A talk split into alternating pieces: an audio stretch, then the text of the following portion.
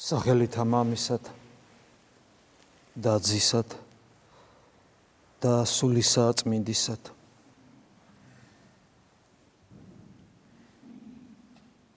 თელი მარხვის განმავლობაში ყოველ პირველ შეწირულზე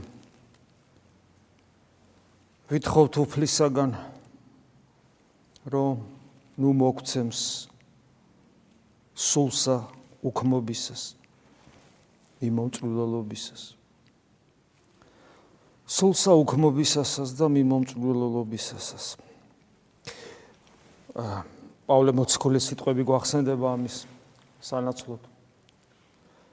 ვისაც სული ქრისტესი არ აქვს იგი არ არის მისი. სიმონ ახალი ღვთისმეტყველის სიტყვები.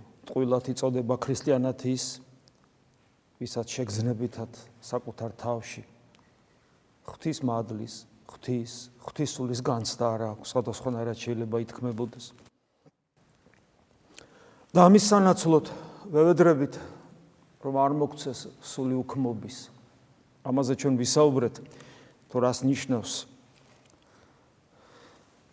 სული უქმობისა, რომელიც მიმომწვილელობას ბადებს შემდგომში მთავრობის მოყარებისას თავრობის მოყარებას და ცუდათ მეტყოლებისას ბადებს.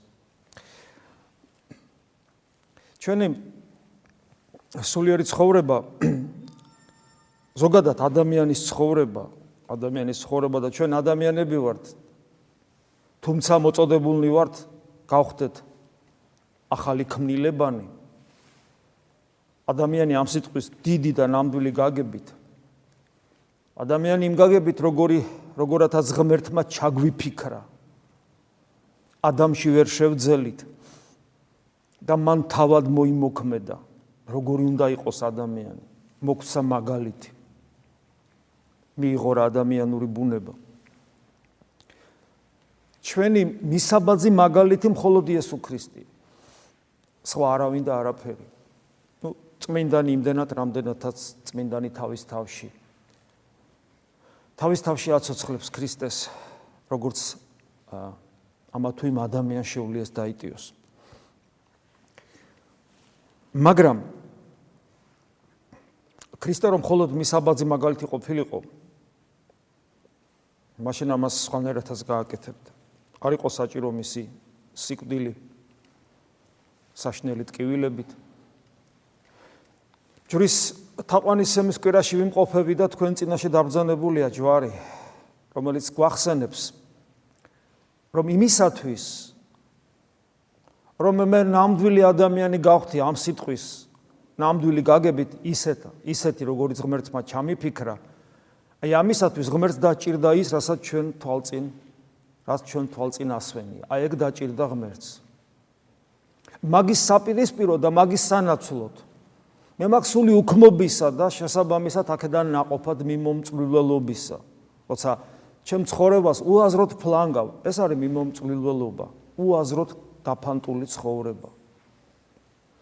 დღეს მისდევს კვირა-კვირას, თვე-თვეს, წლები ისე გადის, თვალის დახამხამებასაც ვერ ვასწრებ, ისე ვბერდები და ვატყობ, რომ მთელი ჩემი ცხოვრება იყო მიმომწვლილველობა. იმიტომ რომ სული უქმობის ამ ქონდა და არა სული ქრისტესი. რა თქმა უნდა, მას შემდეგ რაც მორწმუნე გავხდი, რა თქმა უნდა, ვცდილობდი რომ ქრისტიანულად მეცხოვრა და უკეთეს შემთხვევაში ვცდილობდი მიმებაძა ქრისტესთვის. და არაფერი გამოდის, არაფერი გამომდიოდა. იმიტომ რომ მიბაძვით, უბრალოდ მიბაძვით, ვერაფერს გავაკეთებთ.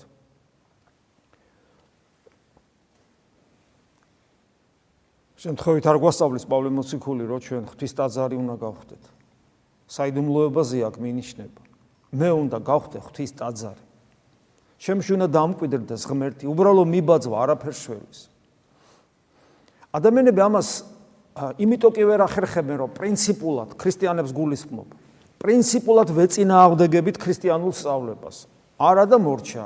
მართალია ქრისტიანობა ამბობს რომ ჩვენში უნდა დამკვიდრდეს ღმერთი ჩვენ ტაზარი უნდა ვიყოთ ღვთისა მაგრამ არა, მე უბრალოდ ცდილობ, რომ ზნეობრივად ვიცხოვრო, ქრისტეს ცნებები აღვასრულო, როგორც შემიძლია. და ამით დაკმაყოფილდე. ესე არ ვამბობთ ჩვენ. ჩვენ არ ვებრძვით თეორიულად ქრისტეს ცნებებს, საფრთხო დოგმატებს, ეკლესიის 2000 სლოვან გამოცდილებას. არც იმას არ ვამბობთ, თუ ცოტათი მეტად განათლება გვაქვს, რომ განღბრთობა ჩემი საქმე არ არის მხოლოდ მონაზვნების საქმეა. ჩვენ ვიცით, რომ განღბრთობა ყველას საქმეა და ამისთვის მოვიდა უფალი. მაგრამ ეს არ შველის დეკლარირებული ქრისტიანობა არ არის ქრისტიანობა. მე რა რო ვიცი, მე რა რო ვამბობ. თუმცა მე მინდა გითხრათ, რომ სამწუხაროდ ქართულ სინამდვილეში ჩვენ მრავალმა მათგანმა არც კი ვიცით საერთოდ რაზეა ლაპარაკი. როცა ჩვენ საუბრობთ ქრისტიანობაზე, ეხლა ვამბობთ, რომ თეორიული ცოდნა არ არის საკმარისი. თეორიულათაც არ ვიცით. ეკლესიის წიაღში არიან წიაღში არიან ადამიანები, რომელმაც არათუ ელემენტარული ღვთისმეტყველება არ იციან, არამედ сахарებასაც არ კითხულობენ და ფიქრობენ, რომ ისინი ქრისტიანები არიან.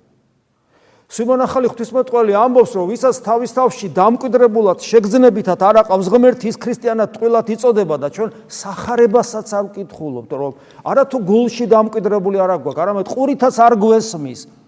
სამყაროს შემოქმედი, რომელმაც სიტყვით მთელი სამყარო შექმნა, იგივე სიტყვა ადამიანურად წარმოთქმული ყოველდღიურად გავიგო ხოლმე აღარ ლაპარაკობ იმაზე რომ მე ამის მოთხოვნილება უნდა მქონდეს აღარ ლაპარაკობ მე იმაზე რომ მე ეს უნდა მიხაროდეს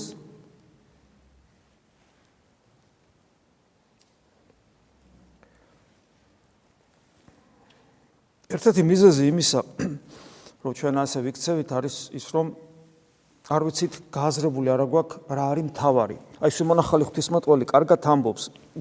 ყველაფერს კარგად ამბობს, მაგრამ სხვადასხვა სხვადასხვანაირად ეხება ხოლმე ჩვენი ცხონების ერთ-ერთი ერთ-ერთი როგორათაც ის ამბობს და როგორათაც ეხება ესე ამბობს. სამი რამ არის მთავარი ქრისტიანის ცხოვრებაში, ამბობს შემონახალი ღვთისმოწყალე.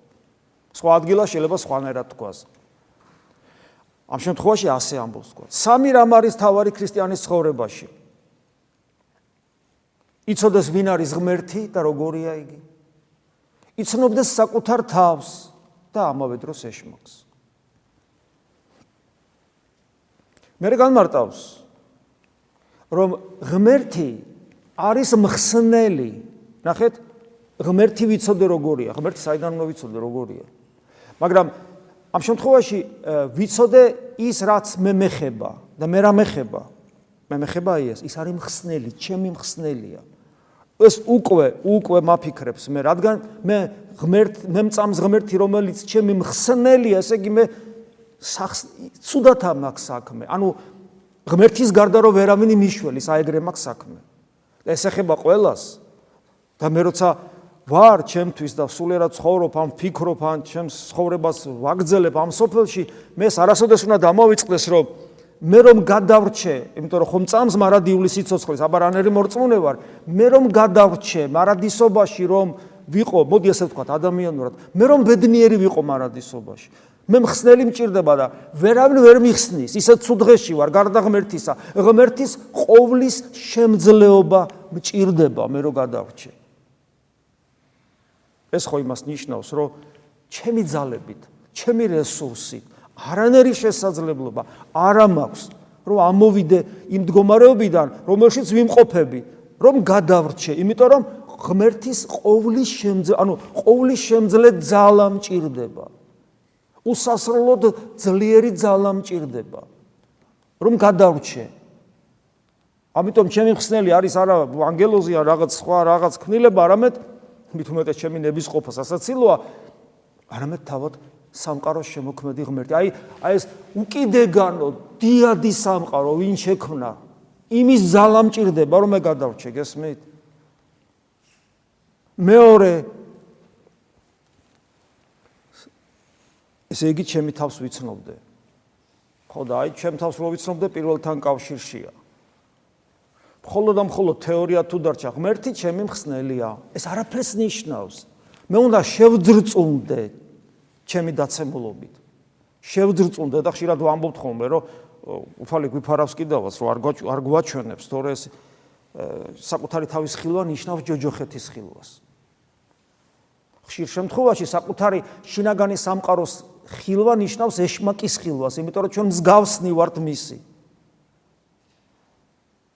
ჩვენში საკუთარ თავში ცხოველს უფრო ადვილად ხედავთ ხოლმე, მაგრამ ეშმაკს ნაკლებად შემაძრწუნებელი რეალობაა ეს. და რა თქმა უნდა, უნდა ვიცნობდეთ ეშმაკს აა მის ძალმოსილებას და მის ზავყრობას. ადამიანები რაც უფრო გამოცდილნი ხდებიან სულიერ ცხოვრებაში, უფრო მეტად და მეტად იცნობენ ეშმაკს. უფრო და მეტად მეტად და მეტად გრძნობენ გამოიცნობენ ხოლმე ხშირ შემთხვევაში, ცნობენ უფრო სწორად მის მზაკრობებს და იმ მოწოდებულ აზრებში და ასე შემდეგ, რაც მათში ხშირად ხდება, ცნობენ ხოლმე, რომ აი ეს ეშმაკია ნამდვილად. და ადამიანის სულიერი უმწიფრობის ერთ-ერთი ნიშანი ის არის, რომ ვერ ვერ არჩევს ეშმაკის მოქმედებას საკუთარი საკუთარი თავის შინაგანი რაღაც მოძრაობებისაგან ვერ ამჩნევს. ადამიანი, რომელიც მას ელაპარაკება, ვერ ამჩნევს, რომ მისი საშუალებით ადამიანს იყენებს ინსტრუმენტად და ეშმაკი ელაპარაკება, ვერ ამჩნევს. საკუთარ ხასიათში, საკუთარ ქმედებაში, საკუთარ საკუთარი ბუნებითი თვისებების გამოვლინ გამოვლინის დროს ვერ ამჩნევს რომ თვითონ არის ინსტრუმენტი ეშმაკისა. ვერ ამჩნევს. ეს არის სულიერი უმწიფრობის ნიშანი. და ძალიან საშიშია მე დაგითხრა ფათაშურის აი მოძღვრის ერთ-ერთი დანიშნულება თუ ჩვენ ყავს ასეთი. ხო მოძღვრის ერთ-ერთი მთავარი დანიშნულება სწორედ ეს არის. ის კი არა თქვა რაღაც უბრალოდ რაღაც ფორმალური ახსარება ჩააბარო ან კიდე შენი თქვა ნერვული სისტემა დაიმშვიდო, შენი ემოციები დაღვარო და ასე შემდეგ. არამედ აი ერთ-ერთი თავარი დანიშნულება მოძღვრისა სწორედ ეს არის.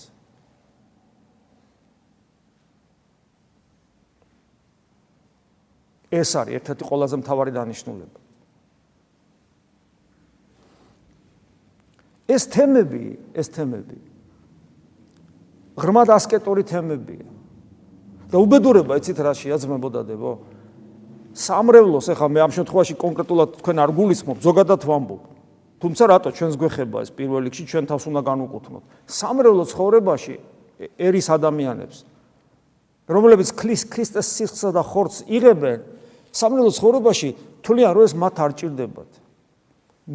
მისი ღრმა ასკეტური ცხოვრებით დაინტერესება არ ხდება.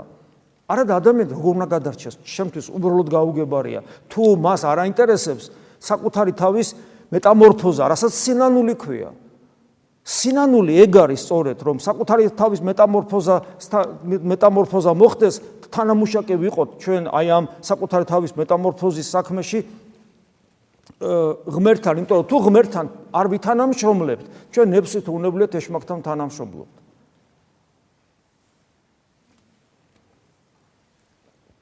და მე ნახეთ რა ხდება.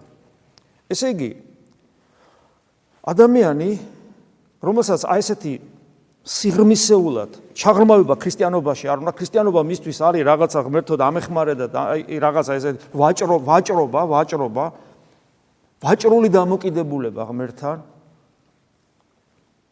იმის იქით რომ ადამიანი არ მიდის სამოთხე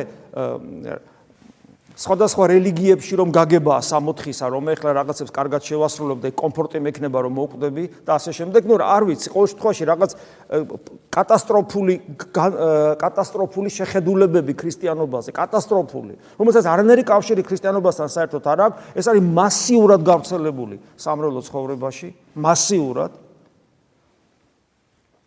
იმიტომაც არის ხომ რომ განსასწრელი რომ მოდის მე მე ადამიანის თელი თელი რწმენა ხუხულასავით იშლება. ნასახი აღარ არჩება. პატ განსასწრელის დროს.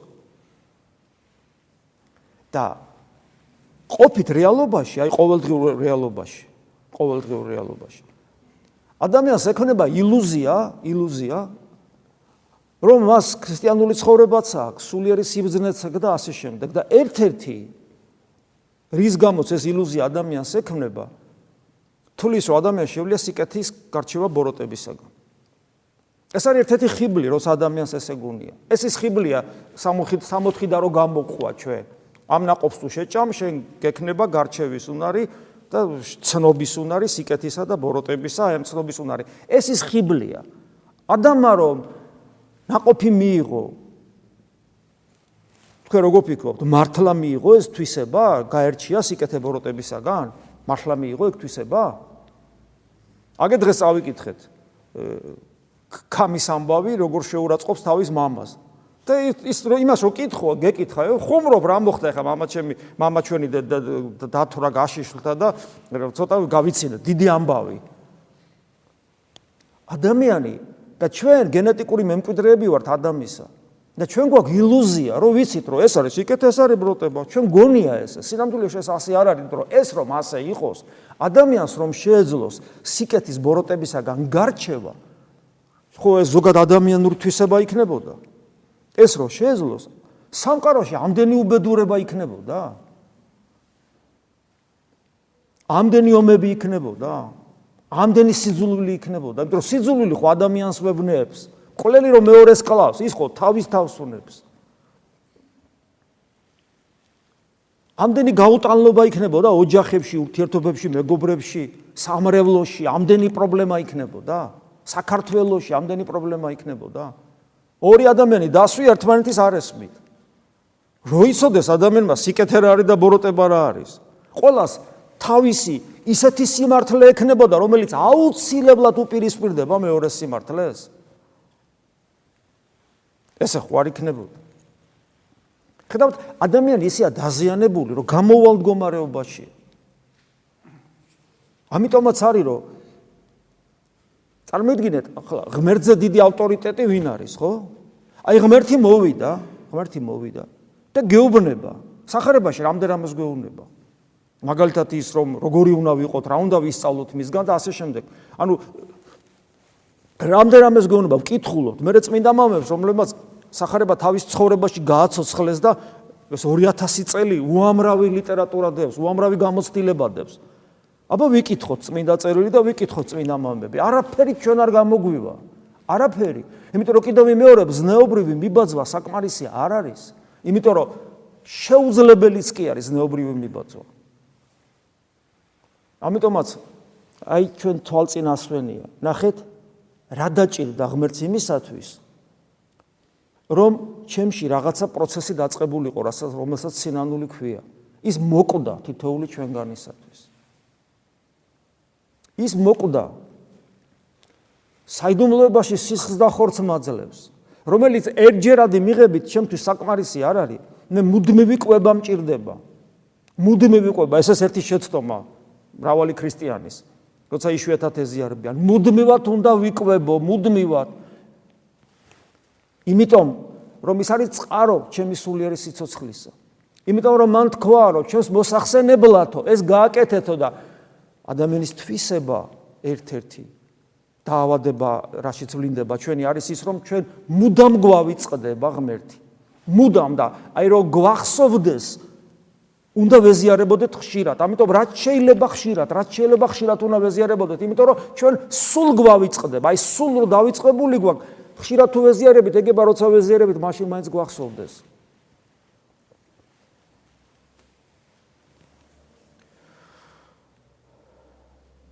სხვადასხვა შეუძლებელია. სხვადასხვა არაფერი არ გამოვა. ჩვენ უბრალოდ ბრმები ვართ. როგორც ახლა ზისინათლე რო არ არსებობს და ვერაფერს ვერ დაინახავს ადამიანი, საფრთხო ნათლის გარეშე ადამიანი ვერაფერს ვერ ხედავს და საფრთხო ნათელი ჩვენში უნდა იყოს, სხვაგან კი არა. ჩვენში. და სწორედ აი სიკეთისა და ბოროტების გარჩევა ნამდვილი. ჭეშმარიტად ქრისტიანული ცხოვრება, ახალ არსებად ქცევა, ახალ არსებად გადაქცევა, ახალ არსებად გარდაქმნა, ახალ ქმნილებად გარდაქმნა, მეორე დაბადებას რომ უწოდებს უფალი. ეს ყველაფერი არის ჩვენში მოქმედი ღმერთი, რომელიც ჩვენში მოქმედებს როგორც საფრთხო ნათელი, საფრთხო ენერგია, მადლი. ესე თუ არ გავაკეთებთ, ჩვენ ჩვენი სიმართლით ვიცხოვრებთ. ჩვენ გვექნება ილუზია, რომ ვიცით რა არის სწორი და რა არ არის სწორი. რა არის კეთილი და რა არის ბოროტი. ჩვენ არ გვეცოდინება რომ ღმერთი მხსნელია. განცდის დონეზე არ გვეცოდინება, თეორიულად შეიძლება ვიცოდეთ. რომ ეს სახსნელი ვინც უნდა ღმერთმა იხსნას მე ვარ და არა სხვა მაინდა მაინც მე ვარ მე აი მე უნდა მიხსნას. რომ უნდა ხედავდე ჩემს ჯოჯოხეთს შემაძრწუნებელს რომ უნდა ვიცნობდე ეშმაკს რა საინტერესოთ არის ხო სამი მთავარი რამე ღმერთი შაკუთარი თავი და ეშმაკი ეშმაკი რაღაც საჭირო იყო. იმიტომ იმიტომ რომ თუ ეშმაკს არ იცნობ შენ სულიერად არ ცხოვრობ. როგორ შეიძლება ქრისტეს მეომარი იყო და არ იცნობდა თავარ მტერს ეშმაკს არ იცნობ ესე იგი სულიერ ცხოვრება არ აქვს იმიტომ იმიტომ რომ მას შენგანაც ვერ არჩევ საკუთარი თავიდან ვერ არჩევ იმიტომ რომ ღირსათაც არ გთulis ეშმაკი რომ შეგებრძოლოს იმიტომ ისედაც მისი ხარ. არ გიპირისპირდება იმიტომ რომ შენ არ უპირისპირდები მას. ასე რომ ჩვენ თუ გვინდა რომ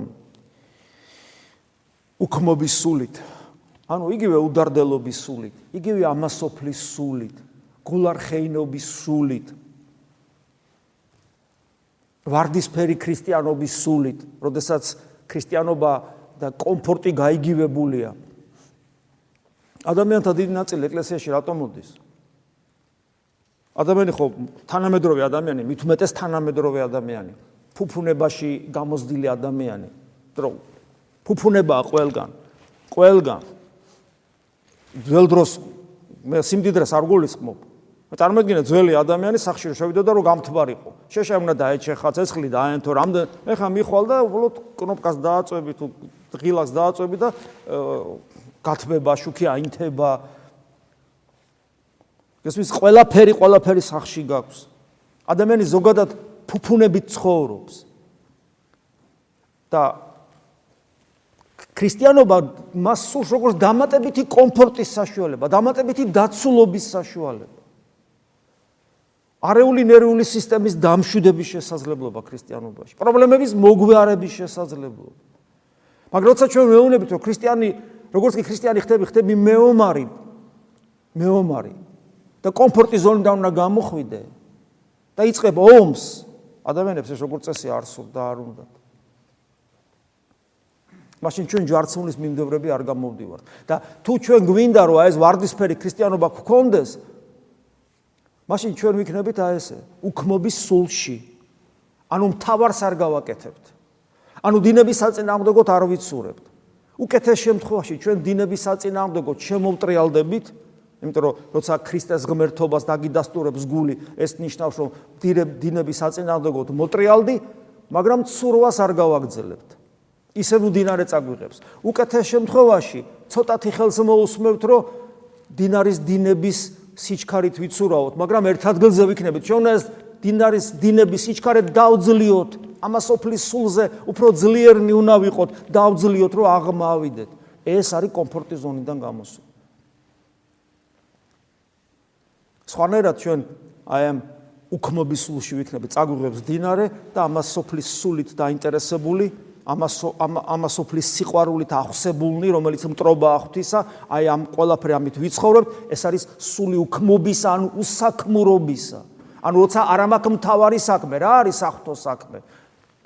რა არის მთავარი საქმე? რომ ვირწმუნოთ ღმერთი და ის ვინც მოავლინა მან, ანუ თავად ღმერთი, ძე ღმერთი, ვირწმუნოთ იესო ქრისტე, ვირწმუნოთ, ეს არის ღვთის საქმე. რწმენა ნიშნავს მის ერთგულებას, თავგანწირულ ერთგულებას, ანუ ბრძოლას, ამასოფლის სულთან. ეს არის საქმე. როცა ეს არ არის ვარ უსაქმური. უსაქმურობა ჩემსულს ხუთავს, აუბედურებს, ვიხჩობი. სასწარკვეთილებისკენ მივიდრიკები და ეს რო არ დამემართოს, ვიგონებ უამრავ საქმეს, საჭიროს და არასაჭიროს და მიმომწვილელობაში გამყავს ჩემი წუთის ოფელი. ვბერდები, გამოვიხედები და აღმოვაჩერო ცხოვრება დაამთავრდა. ახალგაზრდებს, ახალგაზრდებს, განსაკუთრებულად ახალგაზრდებს უნდა ეთქვას რომ ჯერ კიდევ ბევრი დრო მაქვს ამაზე ხშირად მithქვავს ეს არის დაავადება. ჯერ კიდევ ბევრი დრო მაქვს. ეს დაავადება ეს არ არის ახალგაზრდის თვისება რომ ახ ადამიანი ახალგაზრდობაში ამბობს ჯერ კიდევ ბევრი დრო მაქვს და რომ დაბერდება გახდება 80 წლის და უი ახლა შეიძლება მალე მოუკვდე და ამიტომ ცოტა უნდა სულიერად ვიცხოვრო. ესე არა არ ხდება. ესე არ ხდება. ეს არის დაავადება ადამიანის ერთ-ერთი მაცდური აზრი ეშმაკისგან რომელიც გისისინებს ჯერ კიდევ ბევრი დრო გაქვს და თუ ეს დაავადება შენში ფებს გაიდგავს, გინა 20 წლის იყავი, გინა 95-ის. მაინც ესე გეგონება, მაინც ეს განცდა გექნება, რომ ჯერ კიდევ ბევრი დრო გაქვს. არა გაქვთ ბევრი დრო, არა გაქვთ. ჩვენ ისიც კი არ ვიცით, რომ ხვალდილას სოცხლები ვიქნებით თუ არა. როგორ არ გაქვთ ბევრი დრო? არც ერთი წამი არ უნდა დაუკარგოთ, არც ერთი წამი ქრისტეს გარეშე. ყოველი ჩვენი აზრი, გონება, სუნთქვა მას უნდა მიეწებოს. და აი ასე რომ მოვინდომებთ, ასე რომ ვეცდებით, ყველაფერს რომ გავაკეთებთ იმისათვის, რომ აი როგორც პავლე მოციქული იყო, აი ცეცხლივით ანთებულნი ვიყოთ, იცოდეთ რომ მაინც არაფერი გამოგვივათ, უღმერთი არ დაგვეხმარა და ეხლა გამახსენდა ერთ-ერთი დიდებული წმინდანის ნათქვამი ა ブラ ამზე გახსოვთ ეს ბევრჯერ მithქვავს ამ ბიონიდან, თუმცა ამ წმინდანის სახელი აღარ მახსოვს. აბრაამი ღვთის წინაშე რო წარსდგება საშინელ სამსჯავროზე, შეინანებს რომ უფრო მეტად არ იღვაწა და უფრო მეტი არ გააკეთა. და ვიზია საუბარი ხო გახსოვთ? აბრაამზე, რომელმაც ყველაზე ძვირფასი გაიღო ღმერთისათვის. აი ეს არის, იმიტომ რომ აბრაამიც აბრაამიც ისეთივე ცოდვილია, როგორც ყველა ადამიანი და აბრაამს, თვით ღვთისმშობელსაც არ შეეძლო გცხოვნება და გადარჩენა ქრისტეს გარეშე, რომელიც თვითონ გააჩინა. ღვთისმშობელს არ შეუძლია გადარჩეს ქრისტეს გარეშე. და ჩვენ კიდე ისევ ცხოვრობთ, რომ ისევ ცხოვრობ და ისევ ისევ ახერხებთ ადამიანების სიკვდილს, რომ ქრისტეს არ ვიცნობთ, არ ვიცნობთ. აი ეს არის უქმობის სული. ღმერთმა დაგვიფაროს ამისგან და ჯვარი არა მარტო აა უბრალოდ ხსნის იარაღია ჩვენ ეს ხსნის იარაღი იმაშიც უნდება რომ ის ძალა როგორც პავლე მოსკული გვასწავლის. ანუ საფრთხო მადლის და ენერგიის მატარებელია და ჯვრის ძალით იმ ენერგიით გონიერი ძალით გონიერი მადლით როგორც მონახალე ღვთისმოწყალე ამბობს უფალმა მოგვცეს გულის ხმის ყოფა რომ სწორად ჭეშმარიტად ქრისტეს მიერად ვიცხოვროთ. ამინ. მადლი უფლისა ჩვენისა იესო ქრისტეს და სიყვარული ღვთისა და მამის და ზიარება სული საწმინდისა იყოს თქვენ ყოველთა თანა. ამინ.